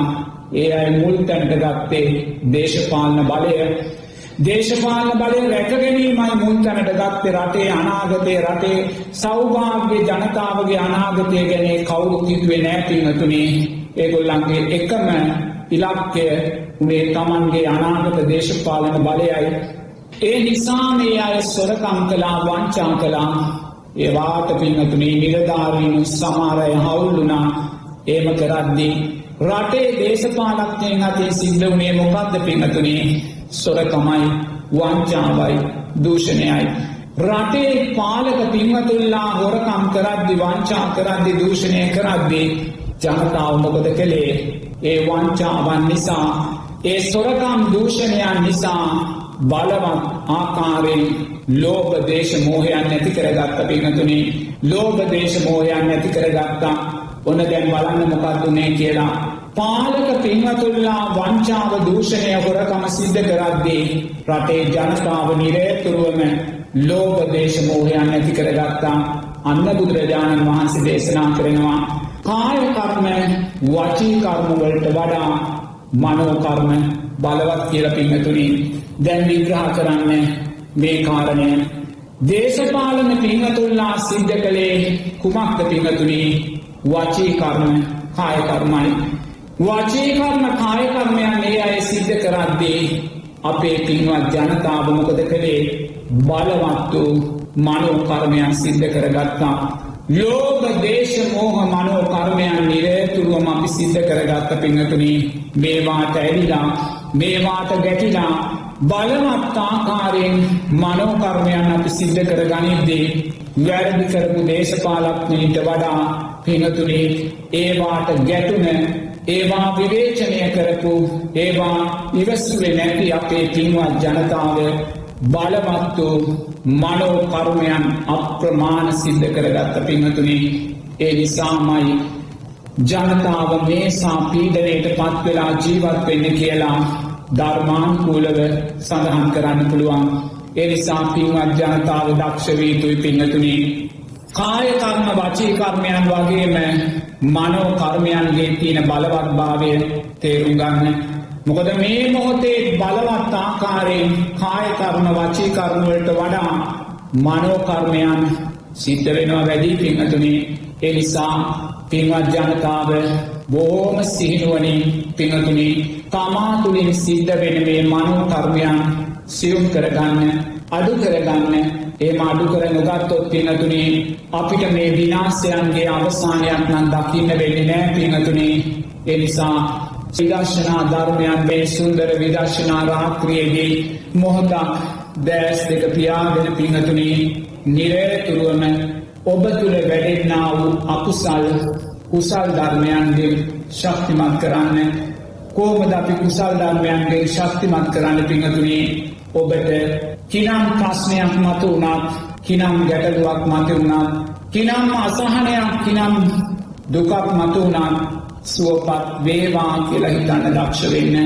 රටේ දේශපාලන නායකයෙක් සීපත් වනත් ඇමති කෙනෙක් සීපත් වනත් මන්ත්‍රී කෙනෙක් සීපත් වනත් නිලධාරී මහත්මෙක් සීපත් වනත් පිංහතුනේ සුවපත් වේවා කියල දකින්න අපිට අවශ්‍ය තවදුරටත් ලෝක දේශමෝහ මනෝකර්මයන් වඩාගෙන මේ ප්‍රශ්නය අවුලෙන් අවුලට යන්නන මේ පිංහතුනේ අපිට අවශ්‍ය රටේ බහුතරයක් තුළින් අලෝභාදේශ අමෝහ ධර්මයන් වඩවලා මේ අකුසලය කුසලයෙන් යටපත් කරන්නයි. මේ අකුසලය කුසලයෙන් යටපත් කරන්නයි ඔබට විශ්වාසයක් තියෙන් ඕනේ අකුසලය කුසලයෙන් යටපත් කරන්න පුළුවන් කියලා පිංහතුනේ එනිසා පින්වත් ඔබ දක්ෂ වෙන්න නිරේතුරුවම ඔබ අක්කමැති කුමන දෙයක් දැක්කත් රට තුළ කුමන ප්‍රශ්නයක් කුමන ගැටලුවක් කුමන ප්‍රශ්නාර්ථයක් මතුවනත් ඊට ඉලක්ක වෙන සියලූම රූප පිංහතුනේ සුවපත් වේවා කියල දකින්න සෝපත් වේවා කියල දකින්න මෛත්‍රියට ආනිසංසේ කොළහක් තියෙනවා පිංහතුනේ සුන්දර මෛත්‍රිය මේ ලෝකධාතුවේ පුං්ඥ කර්මයන් අතින් ශේෂ්ඨම පුං්ඥ කර්මය මෛත්‍රියයි. ආනිසංසේ කොළහයි ඔබ දකින්න මෛත්‍රියට ආනිසංසේ කොළහක් තියෙනවා නම් දේශයට ව්‍යාපාදයට වෛරයට පලිගැනීමට විපාක එකොළහක් තියෙනවා පින්නතුනී. සුන්දර ධර්මයක්. මෛත්‍රියයට ආනිසංසේ කොළහක් තියෙනවා නම් පින්නතුනී දේශයට වෛරයට පලිගැනීමට ක්‍රෝධයට විපාකයන් එකොළහක් තියෙනවා. මේ සමාජගත වෙන්නේ ඒ විපාකයන් මයි පින්නතුනී එනිසා තවදුරටත් ඒ විපාකයන් සමාජගත වෙන්න දෙන්න එපා. මෛත්‍රියට අදාළ ඒ සුන්දර ආනිසංසයන් එකොළහා සමාජයට සමාජගත වෙන්න ඉඩ දෙන්න ඔබේ ජීවිත තුළින් පින්නතුනී. මේ පොසම් තුර පසුලොස්සක පෝය දවස්සේ ඒ මීදු මහෝත්තමයාණන් වහන්සේ මේ සුන්දර මාතෘභූමියයට වැඩම කරපු දවස්සේ ඒ මිහිදු මහෝත්තමයාණන් වහන්සේ අපේ රටේ දා රජතුමාට මහරජ ඔබ මේ රටේ අයිතිකරු නෙමේ. ඔබ මේ රටේ භාරකරුයි කියන සිංහනාදය කරපු ඒ මිහිදු මහෝත්තමයාණන් වහන්සේ වැඩම කරපු මේ දවස පින්නතුනේ පිංහතුල්ලා ඒ සුන්දර මෛත්‍රිය ජීවිතයට එකතු කරගන්න. සුන්දර මෛත්‍රිය ජීවිතයට එකතු කරගෙන මම කයි දුක්දුරුවී සිතේ දුක්දුරුවී නිදුක් වෙත්වා නීරෝගි වෙත්වා සුවපත් වෙත්වා. මා මෙන්ම සියලූම සත්‍යයෝ කයේ දුක්දුරුවී සිතේ දුක්දුරුවී නිදුක් වෙත්වා නීරෝගි වෙත්වා සුවපත් වෙත්වා. මා මෙන්ම සතරාපායේ සත්වයෝද මනුෂ්‍යයෝද දෙවියෝද බ්‍රහ්මයෝද කයේ දුක්දුරුවී සිතේ දුක්දුරුවී නිදුක්වෙත්වා නීරෝගි වෙත්වා සුවපත්වෙත්වා මාමින්ම දස්ස දිසාවේම සත්‍යයෝ කයේ දුක්දුරුවී සිතේ දුක්දුරුවී නිදුක්වෙත්වා නීරෝගි වෙත්වා සුවපත්වෙත්වා මම කයේ දුක්දුරුවී සිතේ දුක්දුරුවී නිදුක්වෙත්වා නීරෝගි වෙත්වා සුවපත්වෙත්වා මාමින්ම සියලූම සත්‍යයෝ කයේ දුක්දුරුවී සිතේ දුක්දුරුවී නිදුක්වෙත්වා නීරෝගි වෙත්වා සුවපත්වෙත්වා මාමෙන්ම දස්ස දිසාවේම සත්වයෝ කයේ දුක්දුරුවේ සිතේ දුක්දුරුවේ නිදුක් වෙත්වා නීරෝගි වෙත්වා සුවපත් වෙත්වා පිංහතුනේ සුන්දර ආනිසංසේ කොළහක් මෛත්‍රියද අදාළද ඔබ ජීවිතයට එකතු කරගත්තා. ඔබ දැන් නුවනින් දකින්න දැන් ඔබේ සුන්දර ආනිසංසේ කොළහා පින්වතුනි සුන්දර විදර්ශනාත්මක ආනිසංසයක් බවට පත් කරගන්න බුදුරජාණන් වහන්සේ දේශනා කරනවා. මෛත්‍රියටත් වඩා ශේෂ්ඨ ආනිසංස සහිත පින්කමක් තියෙනවා. ඒ පින්කම තමයි ඔබ වැඩුවා වූ ඔබ පුහුණු කලා වූ මෛත්‍රිය.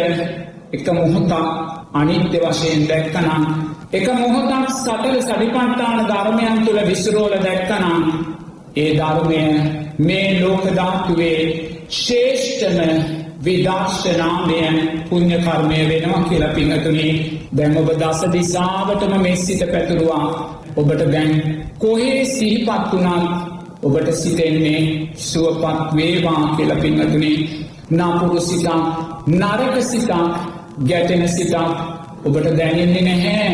ඔබ දෑස් දෙක පියාගෙන සුවපත් වේවා කියද්දි පිංහතුනේ මුළු ලෝකෙම නිරුද්ධ වෙලා මනුස්සෙක් ඔබට අරමුණු වෙන්නේ නෑ දෙවියෙක් ඔබට අරමුණු වෙන්නේ නෑ බ්‍රහ්මයෙක් ඔබට අරමුණු වෙන්නේ නෑ මුළු ලෝකෙම ඔබට නිරුද්ධ වෙලා ඔබේ රූපයක් ඔබට නිරුද්ධ වෙලා පිංහතුනේ නමුත් ඔබ සුවපත් වේවා කියලා හිතනවා. මේ වෙනස් වෙලා යන මේ අනිත්‍ය වෙලා යන සතර මහා ධාතුව පමණක්මයි අරමුණු වෙලා තියනේ සතර මහා ධාතුවට ඔබ සුවපත් වේවා කියලා මෙස්සිත පතුරුවද්දේ පිංහතුනේ ඒ මෙස්සිත විදර්ශනාන්වනින් දකින්න සතර සටිපට්ටාන ධර්මයන්ගෙන් මොහොතක් දකින්න මේ සුන්දර රාත්‍රයේ මිදු මහෝත්තමයාණන් වහන්සේගේ ඒ සුන්දර වැඩමවීමට විදර්ශනාත්මක කුතවේදී භාවය දක්වන්න පින්නතුනේ දෑස්පියාගෙන දැන් ඔබ වැඩුණා වූ මෛත්‍රී සිත පින්වතුනේ සතර සටිපට්ඨාන ධර්මයන් තුළ මොහොතක් විසරුවන්න මේ මෛත්‍රී ධර්මයන් ඔබ තුළ වැඩුණේ රූපය ඇසුරු කරගෙනමයි පින්වතුනේ. ඔබේ රූපය ඇසුරු කරගෙනමයි මෛත්‍රී ධර්මයන් වැඩුණේ බාහිර මනුස්ස දිව්‍ය බ්‍රහ්ම රූපයන් ඇසුරු කරගෙනමයි මෛත්‍රිය වැඩුණේ මේ සෑම රූපයක්ම අනිත්‍යයි පින්නතුනේ සෑම රූපයක්ම අට්ටික සංඥාවෙන් දකින්න මරණානිස්සතියෙන් මොහොතක් දකින්න ධාතු මානසිකාරයෙන් මොහොතක් දකින්න ආයතන හයක් හැටියට මොහොතක් දකින්න අනිත්‍ය වූ ඉරියව් පවත්වන කයක් හැටියට මොහොතක් දකින්න දෙතිස් කුණුපයක් හැටියට දකින්න පින්නතුනේ සුන්දර කායානු පස්සනාව තුළයි ඔබ ඉන්නේ. මෛත්‍රිය කායානු පස්සනාව තුළ ඔබ විසුරෝලයි සිටිනවා. ඊළඟට ඔබ දකින්න ඔබ මෛත්‍රී වැඩුව මොහොතේ එහෙම නැත්තම් ඔබ මේ විදර්ශනා රාත්‍රිය ශ්‍රවණය කරන්න සිරස රුවන් විදිලිය ඉදිරියේ වාඩුවන මොහොතේ පටන් මේ මොහොත දක්වා සිතුවිලි කීදාක් ඇතිවෙන්න ඇද්ද පිංහතුනේ ඒ සෑම සිතුවිල්ලක්ම අනිත්‍යය කියල දකින්න ඔබ චිත්තාන් පස්සනාව තුළ ජීවත් වනා වෙනවා. මේ විදර්ශනා රාත්‍රිය මේ සුන්දර කාල පරාසය තුළ ඔබ තුළ සැපවේදනා ඇතිවෙන්න ඇති දුක්වේදනාත් ඇතිවෙන්න ඇති මේ මොහොතේ ඔබ පසුවෙන්නේ උපේක්ෂා විඳීමක මේ සෑම විඳීමක්ම අනිත්‍යය කියල දකින්න සුන්දර වේදනානු පස්සනාව මේ සුන්දර රාත්‍රිය මතු කරගන්න පිංහතුනේ ඉළඟට දම්මානු පස්සනාව අනේ ලෝතුරා බුදුරජාණන් වහන්සේත් අනිත්‍ය වීගිය ධර්මතාවයක්මයි. මිහිදු මහෝත්තමයාණන් වහන්සේත් අනිත්‍ය වීගිය ධර්මතාවයක්මයි. ඒ සංග මිත්තා උත්තමාවියත් අනිත්‍ය වීගිය ධර්මතාවයක්මයි. දේවානන් කියතිස්ස රජතුමාත් අනිත්‍ය වීගිය ධර්මතාවයක්මයි පිංහතුනී ඒ උතුම් මීදු මවෝත්තමයාණන් වහන්සේ අපට දායාද කළ ඒ උතුම් චතුරාර්ය සත්‍ය ධර්මයෝ ආර්යෂ්ඨාංගික මාර්ග ධර්මයෝ සියල්ලම කවදාහරි දවසක අනිත්‍ය වී යන ධර්මතාවයන්මයි මේ ආර්යෂ්ඨාංගික මාර්ගය තුළින් අපි මේ සුන්දර රාත්‍රියේදි මතුකොට ගත්ත සම්මා සමාධිමත් හිතත් අනිත්‍ය වූ ධර්මතාවයක්මයි. මේ සම්මා සමාධිමත් හිත තුළින් අපි මතුකොට ගත්ත මේන්දර මෛත්‍රියත් එහියානි සංසත් අනිත්‍ය වූ ධර්මතාවයක්මයි මේ සුන්දර මෛත්‍රිය තුළින් අපි දැන් මේ මතු කොට ගන්න පින්නතුනේ කායාන පස්සනාව වේදනානු පස්සනාව චිත්තාන් පස්සනාව මේ සියලු ධර්මතාවයෝ අනිත්‍යයි කියල දකින තැන පිංහතුනි ඔබ මේ ලෝකධාතුවේ ශේෂ්ඨම විදර්ශනාමය කුසලය ජීවිතයට එකතු කරගත්ත කෙනෙක් වෙනවා. පිංහතුනී ඔබ මගෙන් ප්‍රශ්නයක් ඇහුවොත් ස්වාමීන් වහන්ස මේ මම උපන් මාතෘභූමිය මේ මම ආදරය කරපු මාතෘභූමිය මේ මම නැවත මනුස්සෙක් වෙනවනම් උපදින්න බලාපොරොත් වෙන මාතෘභූමිය මේ මට උතුම් ධර්මය දායාද කොට දුන්න මාතෘභූමිය මේ උතුම් මාතෘභූමිය උදෙසා මා වර්තමානයේ කළයුත්තෙ කුමක්ද කියලා? මාහට පැවරී තියෙන වගකීම කුමක්ද කියලා බුදුරජාණන් වහන්සේගේ ශ්‍රාවකය කැටියට මං ඔබට කියනවා. ඔබට පැවරී ඇති පූජනීය වගකීමක් තියෙනවා.